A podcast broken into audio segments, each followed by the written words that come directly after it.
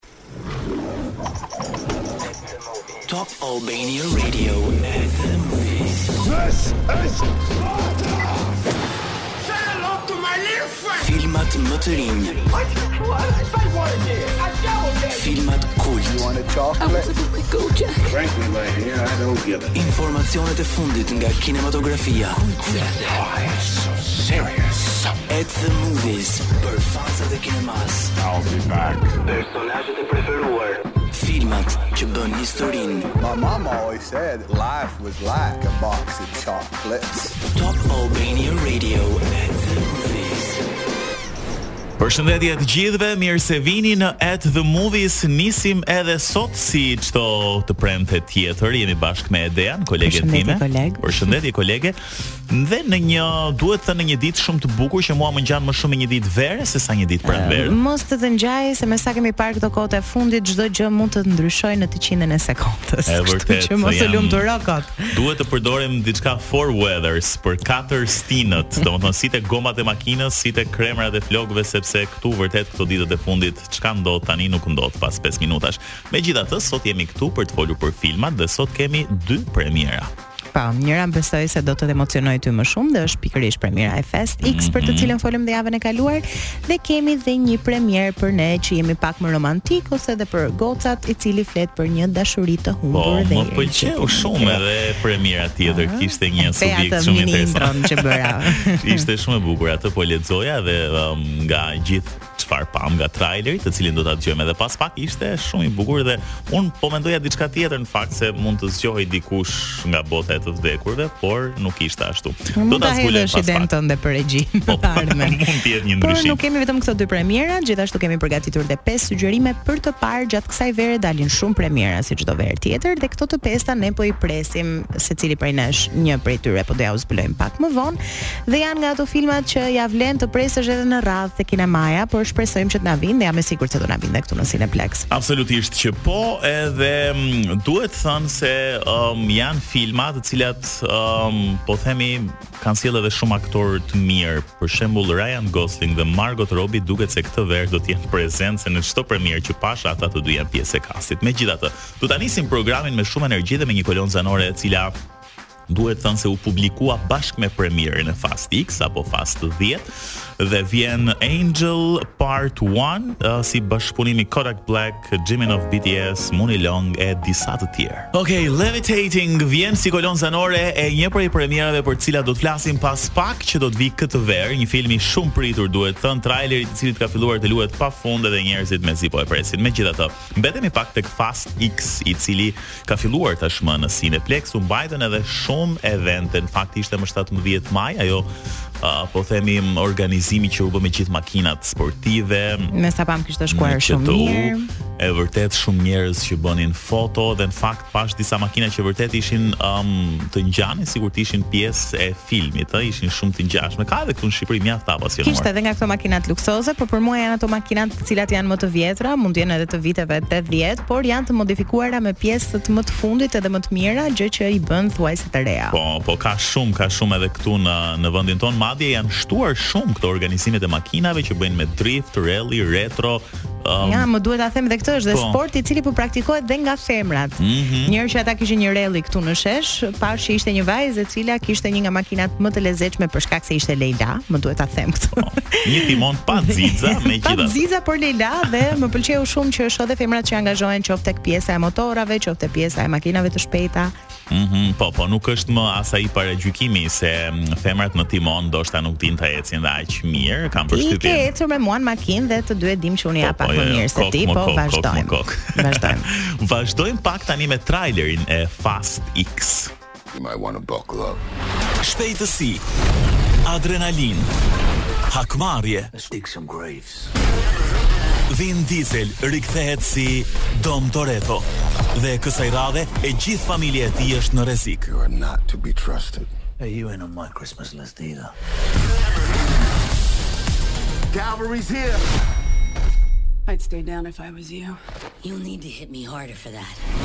Fast X nga shtatëmbëdhjetë maj në Cineplexx TEG dhe QTU. Fast X ose Fast and Furious 10 është filmi i 10 i sagës Fast and Furious, e cila ka çmendur mbarë botën, gjë për të cilën dëshmojnë edhe shifrat marramendëse të fitimeve monetare. Fast and Furious me gjithë nëntë filmat e saj pa përfshirë këtë premierën e fundit ka grumbulluar e thamë dhe herën e fundit edhe plot 4 bilion dollarë. Fast dhjetë do të risjellë në ekran Vin Diesel si Dom Toretto, ish-krimineli dhe garuesi i cili siç kemi parë në filmat e kaluar, vendosi të dilte në pension dhe të kujdesej për gruan e tij Letty dhe djalin e vogël Ortiz. Por ndonjëherë ajo e shkuara rikthehet si një shuplakë, sidomos kur kemi punë të pambaruara, thonë amerikanët, dhe kësaj radhe Dom do të përballet me një armik të vjetër Dante Reyes, i cili është djali i lordit të drogës Hernan Reyes, që humbi gjithë pasurinë familjare gjatë grabitjes së Rio de Janeiros për shkak të Domit dhe ekipit të tij. Ndaj kjo mhm. hakmarrja do jetë pak më e fuqishme se kurrë dhe ndonjëherë këto hakmarrje që bëhen nga brezi i dytë, pra nga fëmija për shkak të një debati familjar janë dhe më të ashpra se ai debati primar. Absolutisht që po, dhe unë po shikoja në fakt premierën në Londër, e cila nuk e di nëse ta ka zënë syri që është bërë virale në Instagram, në TikTok, qoftë me veshjet, qoftë me intervistat që kishin bërë për MTV. Unë kam parë vetëm Jason Momoa aty. Jason Momoa te gjëja lejla. Ai zuri syri. Ai e ka aq shumë fiksim këtë ngjyrën lejla, saqë e përdor edhe, përveç se ka një linjë rrobash të tij vetëm në këtë ngjyrë, ka uh, edhe në çdo kast ka përfshirë një gjë lejla, kështu e pashë edhe këtu që kishte veshur një këmishë lejla, Është e pamundur që të shkëputet nga kjo ngjyrë. Gjithsesi, doja të thoja që vura re që të gjithë aktorët që kanë luajtur te ky film, ndoshta edhe për shkak se është uh, seria e 10 ka kaq shumë vite që janë bashkë, janë shumë miq mes njëri tjetrit, janë shumë familjarë, domethënë dinë çdo gjë dhe shikoja që ëm um, shkonin te familjet e njëri tjetrit duke përqafuar vajzat, po themi dukeshin si një lloj fisi i vogël i gjithë kasti i Fast and Furious. Dhe një gjë shumë interesante është se vajza e Paul Walker do të jetë pjesë edhe e filmit. Në fakt ajo u shfaq fillimisht në disa foto që dukej sikur kishte vajtur për të takuar kastin, por siç duket i kanë dhënë edhe një rol. dhe vetë ajo u shpreh në një intervistë që babai im do të ishte krenar, megjithëse ai më ka thënë që mos të merresha asnjëherë me aktrim sepse nuk doja ose nuk donte që ai të merrej me aktrim, por tha e kisha të pamundur që ndoshta edhe për nder të kujtimit të tij, um, po themi të shfaqej edhe në film. Jason Momoa është surpriza e Fast X dhe aksioni pastaj është i padiskutueshëm. Mirë, e mbyllim këtu Fast X sepse nuk ka nevojë për të folur shumë, sallat janë plot që kur ka filluar të shfaqet premiera në Cineplexx TEG dhe QTU dhe sigurisht do të vazhdojë të thyejë rekorde siç ka bërë më herët. Ndalemi tani tek Love Again. Edhe ky film ishte shumë interesant. Ndjekim pak trailerin dhe Edea do të na shpjegojë pak më tepër se për çfarë bën fjalë.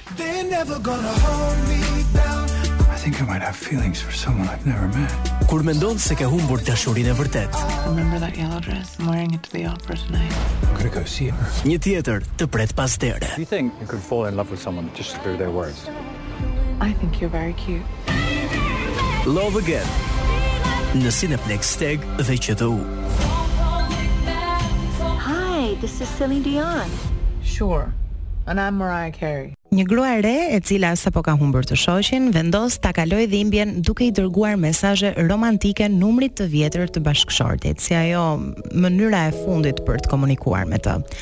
Por ajo çka gruaja nuk di, është se numri i vjetër i burrit të saj tashmë i përket një zotërie tjetër, dhe gjatë gjithë kësaj kohe ajo dalëngadalë po krijon një marrëdhënie të re. Duket shumë interesant si subjekt. Domethënë, imagjino sa e dashuruar mund të ketë qenë, saqë vazhdonte t'i dërgonte mesazhe numrit të vjetër të burrit. Megjithatë, më duket edhe pak e çuditshme, se mm, domethënë, kur bashkëshorti sapo ka ndërruar jetë dhe ti fillon edhe dashurohesh ndoshta me kujtimin e tij, po që në fakt është një person tjetër, më duket pak e çuditshme, megjithatë ndoshta mund të ndodhë. Mendoj se secili ka atë mënyrën e tij për ta kaluar një moment zie ose një moment vështirësie. Unë jam të, e kuptoj edhe këtë pjesën tradicionale që si mund të biesh në dashuri mm. kaq shpejt dhe kam menduar për shumë vite në të njëjtën mënyrë. Por mendoj që jeta është shumë e shkurtër dhe kam parë këto historitë e çuditshme të dashurisë. Unë dhe një... jemi një panel modern ja po, po, po. kundër të vjetrës. është The Professor, një film tjetër shumë interesant që është Mel Gibson. Ëh. Mm -hmm. Dhe doja të thoja kjo historia është që një burrë uh, ose një grua, më saktë, dashurohet me vrasësin e burrit të saj. Ja, aty nuk dakortohem as unë. Domethënë edhe kjo është një histori mjaft e çuditshme, ëm um, që ajo e kishte parë madje edhe live vrasje, ndodhi um, bashkëshorti i vdiq në duart e saj dhe vjen një moment Kjo dashurohet me vrasësin e bashkëshortit të saj. Kjo është pak e tepër. Një film që m'u kujtua nga ky është dhe PS I Love You, që është me mhm. Gerard Butler, i cili e dinte se ishte sëmurë dhe do ndërronte jetë së shpejti dhe kishte përgatitur disa letra për gruan e tij, në mënyrë që ajo t'i merrte njërën le të themi një herë në javë dhe kishte përgatitur gjithë mënyrën se si ajo ta kalonte këtë momentin e grifit, këtë momentin e zisë. dhe e dinte që ajo nuk kishte asnjë njeri tjetër përveç tij dhe kishte paraprirë gjithë këtë rrugtimin e saj pas tij dhe në fund të çdo letre i shkruante PS I love you mm, dhe prandaj dhe filmi quhet i tillë. Po, oh, e bukur, e bukur. Megjithëse na duken të çuditshme, unë besoj te këto histori, me thënë të drejtën, sepse ndonjëherë um, një ndjenjë për dikë lind ndoshta në mënyrat më të çuditshme të mundshme. Gjith, duhet thënë se um, gjithashtu do jetë, po ja, luan një ndër femrat më të bukura të botës në këtë film, siç është Priyanka Chopra, mm -hmm. por mhm. kemi edhe um, Celine Dion, Nick Jonas, Sofia Barclay dhe një kast aktorësh të tjerë shumë interesantë, kështu që ky film um, edhe mua më duket shumë interesant përveç Fast X që sigurisht është premierë po. Po shikojmë një angazhim shumë të madh të muzikantëve nëpër filma, për pak më vonë do flasim edhe për The Weeknd i cili po, po lëvron pak në këtë fushën e kinematografisë, gjë që më pëlqen se janë ato personazhet aq të dashur për publikun, edhe më pëlqen më shumë edhe jo kur janë protagonistë, por kur kanë një rol të vogël dhe ti je duke parë filmin thua, "Oh, Celine Dion." Edhe mm, i jep një lloj tisi tjetër filmit, megjithëse ka disa këngëtarë që kanë mbetur pastaj në botën e kinematografisë. Për shembull, mua Rihanna më më ka pëlqyer shumë edhe si aktore, mm -hmm. por ajo nuk e vazhdoi për shumë gjatë. Rita Ora nuk është se më pëlqen shumë, me thënë të drejtën si aktore, domethënë varet ka disa ka disa përshtatje. Megjithatë, i lëmë pas aktorët dhe këngëtarët, tani jemi tek Call on Me nga Bebe Rexha, vetëm Bebe Rexha, Bebe Rexha ende s'ka provuar aktrimin, a? E presim. Se po e thoja qëllimisht Bibi. Morning here's a mess. Mirë, po dëgjonim Made You Look nga Meghan Trainor Edhe rikthehemi në The Movies, siç e dimë, sezoni i verës po troket në derë Edhe dalëngadalë, përveç atij planifikimit vjetor të pushimeve që ne bëhemi gati Bëhemi gati edhe për diçka tjetër dhe ato janë pikërisht premierat e reja të cilat në verë, sikur bashkë me atë motin Bëhen si më të ngrohta, bëhen pak më romantike Unë dhe Edi kemi përgatitur një listë me premiera të cilat pritet të dalin së shpejti dhe ne mund të jemi ndër njerëzit më të emocionuar për t'i parë. E para quhet The Idol dhe ka dy arsye sepse unë e pres me ngulm këtë premierë. Arsyeja e parë është se krijuesit e Euphoria, serialit që tërhoqi vëmendjen e adoleshentëve dhe jo vetëm anembanë duke u shndërruar ndër të paktat seriale që kanë influencë jo vetëm në muzikë, përmendim këtu Labyrinth, që për të cilin folëm edhe pak javën e kaluar, i cili u bë i famshëm për publikun vetëm sepse performoi soundtracks-at e Euphoria-s, por pamë se pati ky serial një influencë shumë të madhe në mënyrën se si vishemi, se si lyhemi, pra pati një ndikim shumë të madh edhe në modë, jehonë e cila vazhdon deri sot në televizion e kudo. Arsyeja e dytë, sepse jam e sigurt se The Idol do jetë një sensacion, është prezenca e dy aktorëve protagonistë, të cilët janë Lily Depp Rose, që është vajza e Johnny Depp, edhe këngëtari i famshëm The Weeknd. Okej. Ky nuk do jetë filmi i parë për bukuroshen 23 vjeçare, por do jetë paraqitja e parë si protagonist për The Weeknd, i cili gjithashtu ka lëvruar në kinematografi, gjë që e zbulova pak më përpara, ai paska qenë skenarist i serialit të animuar American Dad. Pra ka tentuar të hyjë pak te kinematografia, por kjo është hera e parë që ka një rol edhe Ka luajtur dhe pakëz tek Uncut Gems, me sa mbaj mend, më saktë ka po, po performuar. Po, shfaqet dhe shumë shkurt, shfaqet shumë shkurt. Shumë shkurt, por është hera e parë që ai ka një rol protagonist dhe që të kthehemi tek filmi The Idol, kur shohim trailerin duket sikur do ndjekim historinë e një ylli popi, e cila po shijon karrierën e saj.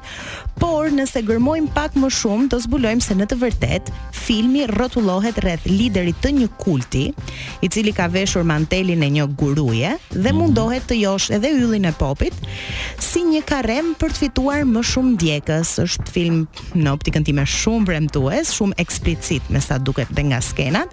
Dhe jam e sigurt se The Idol do ketë po aq, mos të them akoma më shumë sukses se sa Euphoria. Kombinimi duket shumë interesant mes Lily Depp Rose dhe The Weeknd, që janë të dy personazhe sigurisht shumë interesant, po t'i shikojmë edhe në një film, um, këtë nuk e kishim pritur edhe mendoj që shkojnë shumë me njëri tjetrin, kam përshtypjen edhe si personazhe. Është edhe gjithë kjo ideologjia e amerikanët më së shumti janë të obsesionuar mas ideologjisë së kulteve. Mm -hmm. Ka shumë seriale, nuk e di pse kohët e fundit po më dalin dhe shumë sugjerime për filma me kulte. Nuk jam aq e apasionuar, Por e shoh, domethënë ka disa tematika, siç është ideologjia e kulteve, pjesa e përfshirjes së të gjitha grupeve nëpër filma të ndryshëm gjë që e shohim në Netflix, është e shpalosur në thuajse çdo serial. Po, po, po, ka ka shumë të tillë dhe vërtet që mm, në Shtetet e Bashkuara kulti zë një vend të veçantë në mentalitetin e tyre për thuajse çdo gjë. Ok, pas uh, The Idol, unë kam zgjedhur, um, e tha edhe Eri e Cineplexx um, javën që shkoi, që një ndër premierat që pritet uh, më së shumti është edhe Barbie, jo më versioni i animuar, por tashmë do të vijë um, në versionin me njerëz, po themi. Um, subjekti është pak a shumë um, i njëjtë, Domethënë Barbin e dëbojnë nga Barbie Land ku ajo jeton, ku njerëzit duhet të jenë shumë të bukur, të gjithë perfekt dhe um, e nisin për në tokë ku i duhet të gjejë lumturinë. Sigurisht në tokë jo vetëm që pritet të gjejë lumturinë, po pritet të gjejë edhe dashurinë e saj, um, që është Ken. Um, më bëri shumë përshtypje kasti i aktorëve. Um, dyshja do të jenë Margot Robbie dhe Ryan Gosling. Margot Robbie një herë është një Barbie e vërtetë. Ryan Gosling nuk më pëlqeu shumë si Ken. Sa do ta thoja, këto ka pasur shumë debat në Amerikë për arsyen sepse Ryan Gosling po, po luan Ken dhe nuk e di se se ku kishin gërmuar dhe kishin gjetur një video të vogël kur Ryan Gosling mund të jetë diku te 6-7 vjeç mm. dhe po kërcen me një koreografi shumë të zhvilluar, do thoja për një 6 vjeçar, po. pra një kërcim totalisht si një fëmijë i trajnuar për musicals. Dhe të gjithë ishin për, domethënë kishin shkruar një koment të tipit për të gjithë ju që kishit dyshim te Ryan Gosling ah, si Ken, okay. shikojeni pak këtë videon dhe prisni këtë Ose... filmin që do dalë se ndoshta do ju befasojë dhe po pres një moment që Ryan Gosling të kërcejë mbasi kam parë atë po, videon. Po kishte shumë uh, momente edhe nga traileri um, ku ai kërcen, i ka të gjitha ky film. Po ndoshta në pamje kemi një imazh tjetër për Ken. Megjithatë, ndoshta mund të përshtatet mirë me Margot Robbie.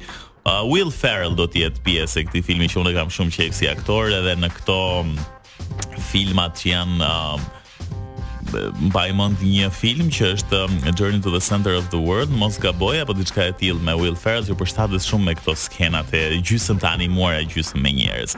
uh, pashë që kishin pyetur shumë nëse ky film është i përshtatshëm për fëmijët e vegjël. Mm -hmm. Në fakt, uh, duket se ka një rating general, pra që mund të shikohet nga të gjithë, megjithatë kishte një paralajmërim që mbase disa skena mund të jenë um, të papërshtatshme për fëmijët. Megjithatë, um, kjo nuk ju ndalon që këtë mm, film ta shikoni familjarisht. Fëmijët mbi 10 vjeç mund t'i merrni, po 4-5 ta mendojnë. Mirë është që ta mendoni, nuk është se ka ndonjë skenë eksplicite po ndo mbase mund të ketë pyetje nga fëmijët tuaj në disa prej skenave, kështu që mos të viheni në siklet. Ka një rating 7.6 nga IMDb dhe mendoj që padyshim do të jetë një sukses edhe sa i përket të ardhurave. Shohim që kemi një rikthim shumë të madh të këtyre filmave të animuar, të cilat shndërrohen në filma me njerëz dhe një tjetër film që ka korrur sukses përpara se të dalë edhe në kinema është pikërisht The Little Mermaid. Mm -hmm. Mendoj se fëmija brenda secilit prej nesh ka qenë shumë i gëzuar kur zbuloi se ajo pralla jonë e preferuar e fëmijërisë më në fund risillet në ekran edhe për brezin e ri, të cilët ndoshta dhe nuk e njohin uh, Arielin. Mendoj se mori shumë vëmendje jo vetëm për shkak të rikthimit të Sirenës, por sepse për herë të parë Arieli që të gjithë ne e mbajmë mend si ajo vajza me flokë të kuqe, me lëkurë të bardhë si bora, do luhet nga një aktore me ngjyrë të zezë, gjë që krijoi debat dhe në Amerikë, ku racizmi le të themi është fenomen prezent, por luftohet dita ditës. Ka aktorë si Halle Bailey, Melissa McCarthy, Simone Ashley dhe Jonah King. Është një film që ka një buxhet prej 40 milion dollarësh dhe do t'i shumëfishojë këto shifra dhe ka për t'i mbushur kinemat anembanë. Por kthehem tek ajo që po thoja pak më përpara që është pikërisht këto tematikat që trajtohen. Mm -hmm. Pra ishte kulti, kemi racizmin, për racizmin ka filma pafundësisht dhe më bëri përshtypje gjithë kjo uh, debati i madh që u krijua në Amerikë dhe komentet, doli dhe një trend në TikTok ku mamatë postonin videot e vajzave të tyre të vogla me ngjyrë, të cilat ishin kaq të lumtura kur shikonin një Ariel e cila gjithashtu mm. ishte me ngjyrë sepse ndihen të përfaqësuara. Por kishte shumë njerëz të cilët thonë, "Hey, ajo pralla ime po, fëmijërisë po, sapo ma prishe." Me vërtetë kjo ka ndodhur shumë në shumë raste dhe nuk e di nëse kjo Edhe unë me thënë të drejtën nuk jam shumë dakord. Absolutisht unë jam kundra të gjitha paragjykimeve dhe të gjitha gjërave të tjera, por uh, ndonjëherë më duket sikur kjo gjë bëhet pak si me zor, nëse mund ta themi kështu pra për t'u përpjekur t'i imponohesh publikut në diçka që nuk është, po themi, ashtu siç ne e kishim imagjinuar. Ok, edhe vetëm pak sekonda, meqë jemi drejt fundit, kemi edhe Asteroid City uh, nga Wes Anderson. Um, filmi vendoset në vitin 1955, flet për një grup studentësh dhe prindërish që shkojnë në një konvent në një qytet imagjinar uh, në një planet tjetër dhe aty ndodhin shumë gjëra uh, të çuditshme, të cilat i vënë në lojë të gjithë uh, këta personazhe. Dhe i fundit është Haunted Mansion. Um, një grua dhe djali i saj punësojnë një grup ekspertësh për të larguar nga shtëpia e tyre disa forca të mbinatyrshme të cilat e kishin pushtuar me Jared Leto. Është ky film ndërsa tek Asteroid City luan Tom Hanks, Maya Hawke, Margot Robbie gjithashtu Scarlett Johansson, Janë bërë të dyja bashkë. Vit i suksesshëm për Margot Robbie, po, si i kaluari. Po, po, po, këtë vit njëherë kishte marrë pjesë në pafund filma. Kështu që këto janë vetëm disa prej uh, premierave që presim këtë verë, nisin nga qershori në fakt do të jenë edhe përgjatë korrikut dhe gushtit. Po shkojmë drejt uh, minutave të fundit të programit dhe do të ndalim pak tek ngjarja e rëndësishme kinematografike e cila po zhvillohet në fakt në Cannes, është festivali i filmit atje që ka marrë uh, vëmendjen e të gjithë uh, artëdash Dhe sidomos sa i përket um, kinematografisë, ka nisur me datë 16 dhe do të vazhdojë deri me datë 27 maj. maj po. Atëherë po. do të marrim ato vendimet e fundit dhe mhm. fituesit. Mm -hmm në fakt po shikoja tani disa ngjarje të fundit që vijnë nga festivali i Kanës edhe mm, ishte paraqitja e Johnny Depp e cila kishte shkaktuar shumë debate, kishte një moment ku ai bëri një fjalim dhe tha që unë nuk kam më nevojë për Hollywoodin. Domethënë, nuk e di pse është ky inat që Depp e ka shfaqur së fundmi në lidhje me industrinë, ndoshta edhe për shkak të gjyqit që pati, edhe disa gjëra të tjera ka qenë edhe më pak aktiv në Hollywood, edhe këtë gjë e ka thënë hapur siç duket edhe në festivalin e Cannes. Jo gjithmonë ajo vëmendja aq e madhe, është edhe shumë e mirë, do mhm. thoja, mm -hmm. por me sa lexova festivali i Cannes do të hapet me Johnny Depp dhe do të mbarojë me një Elemental që është bërë një film i animuar nga Pixar. Okej, kështu që duket se gjithsesi është pjesë e industrisë për shkak të um, filmave që ai luan, megjithatë marrëdhënia e tij ndoshta nuk është ndër më të mirat e mundshme uh, tani për tani. Mirë, um, kaq kishim për sot, mos harroni dy premierat Fast X dhe Love Again, të cilat i gjeni në Cineplex TEG dhe QTU, ndërkohë kemi edhe një fitues për kuizin që lançuam javën e kaluar. E kuizit është Eralda Baholli, e cila ka gjetur shprehjen How about another joke Murray. Okej, që vjen nga Joker, në fakt ne mezi po presim edhe Joker dyshin, um, në rrjetet sociale publikohen shpesh herë momente nga xhirimet të cilat kanë nisur edhe po bëjnë uh, xhiron e rrjeteve sociale, megjithatë nuk ka ende një datë të saktë se kur Joker 2 do ta kemi në ekranin e madh të kinemasë. Kështu kemi mbërritur në fund, Faleminderit që qëndruat me ne, pas pak do të jeni në një këngë për ty dhe ne do të dëgjohemi sërisht javën që vjen. Shikoni filma të bukur edhe shijoni motin e mirë. Kalofshi bukur. Faleminderit këndshëm.